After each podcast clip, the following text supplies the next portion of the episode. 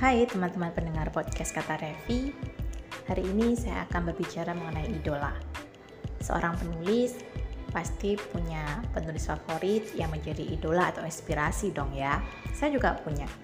Saya akan bercerita tentang beberapa penulis yang karyanya sangat berpengaruh terhadap perkembangan karir dan juga ide-ide menulis saya Episode ini adalah bagian dari tantangan 30 hari bersuara 2022 yang diselenggarakan komunitas The Podcasters Indonesia. Dengarkan sampai habis dan semoga kamu juga terinspirasi untuk mendengarkan episode-episode yang lain ya.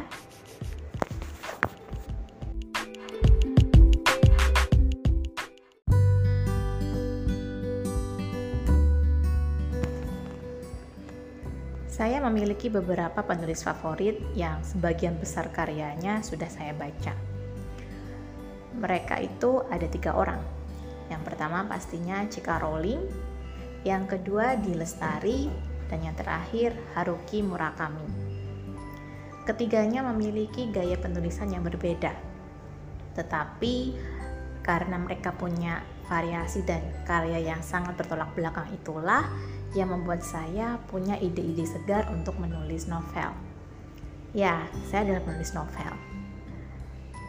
Pada bio saya kebanyakan saya akan menulis kalau saya adalah seorang wordpreneur. Jadi buku solo saya itu ada 17. Ada sekitar 3 non fiksi, sisanya lagi adalah puisi, kumpulan cerpen dan sebagian besarnya adalah novel. Novel-novel tersebut sudah didistribusikan oleh penerbit indie maupun mayor lewat seleksi. Jadi uh, karya saya sudah bisa kalian baca di berbagai marketplace seperti Tokopedia dan juga uh, Shopee dan juga e-book digital seperti Google Play, Gramedia Digital, Rakata, Lontara dan lain-lainnya. Impian saya memang adalah ingin sekali memiliki buku yang dicetak di toko buku besar. Akan tetapi saat ini memang takdirnya baru berlabuh ke layanan buku digital. Tapi saya sudah happy banget karena saya sudah tembus menerbit tentang pustaka dan juga misan. Oke, saya kembali lagi berbicara mengenai idola. Kenapa saya mengidolakan tiga orang penulis tenar yang sudah saya sebutkan di awal tadi? Nah, kalau J.K. Rowling, saya sudah terpikat dengan karyanya semenjak membaca Jack, uh, Harry Potter ketika masih duduk di bangku SMP. Waktu itu saya melihat betapa imajinasinya J.K. Rowling itu sangatlah kuat.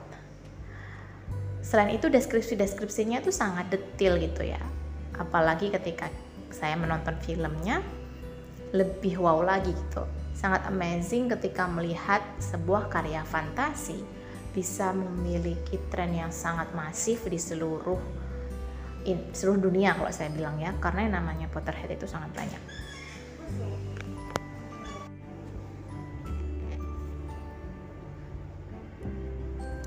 Selain itu, uh, saya sangat menyukai J.K. Rowling dari imajinasinya sangat tidak terbatas di karya berikutnya ketika dia menggunakan nama samaran yaitu Robert Gilbert dan menulis cerita detektif yang diperankan oleh Cormoran Strike dan Robin. Saya sangat suka banget gitu ya karena dia tidak hanya bisa menulis fantasi tapi juga bisa menulis cerita detektif yang bagi saya sangat ikonik gitu.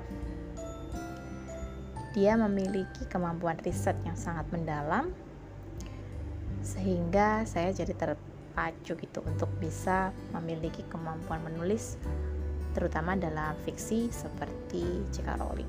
Yang kedua, di Lestari. Saya membaca karyanya yang pertama yaitu Supernova waktu masih di SMP juga. Waktu itu uang saya terbatas untuk membeli novel karena orang tua lebih ingin saya fokus pada aktivitas belajar waktu itu memang menurut saya Supernova yang pertama itu sangat sulit dipahami karena kan temanya terkait fiksi ilmiah ya. Otak saya yang masih SMP waktu itu tidak sanggup mencerna itu tapi saya sudah suka dengan gaya penceritaannya. Karena kalimat-kalimatnya itu padat singkat tetapi menurut saya sangat puitis. Itu adalah ciri khas dari Dilestari yang menurut saya uh, ini ya sangat menarik juga karena karya karya-karyanya itu untuk supernova berikutnya itu juga punya tema-tema ilmu pengetahuan dan juga religiusitas yang unik di setiap bukunya. Ya kalau saya cerita di sini pasti akan kelihatan banget gitu ya ngefansnya.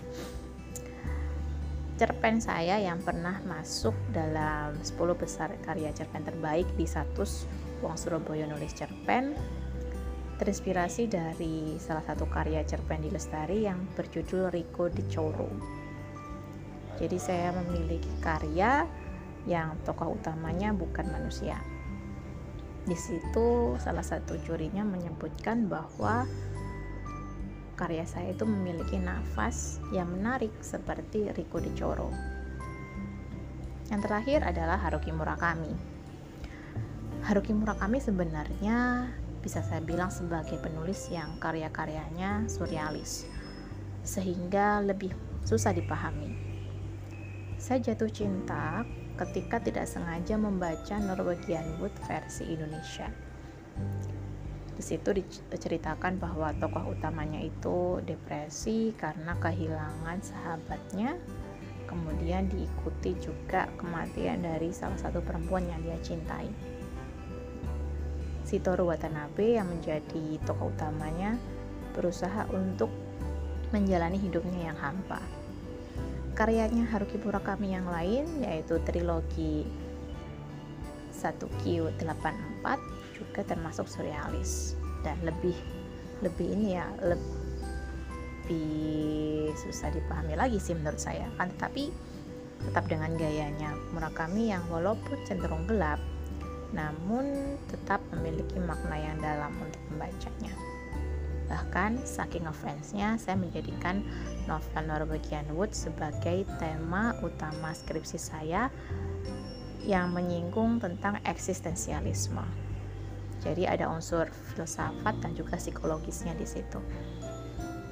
Nah, inilah tiga penulis yang sudah menjadi idola saya dan semoga cerita ini juga bisa menjadi inspirasi buat kalian yang mungkin ingin mulai menulis bisa mulai dengan membaca karya-karya penulis yang memang kalian suka. Tapi ingat jangan plagiat ya.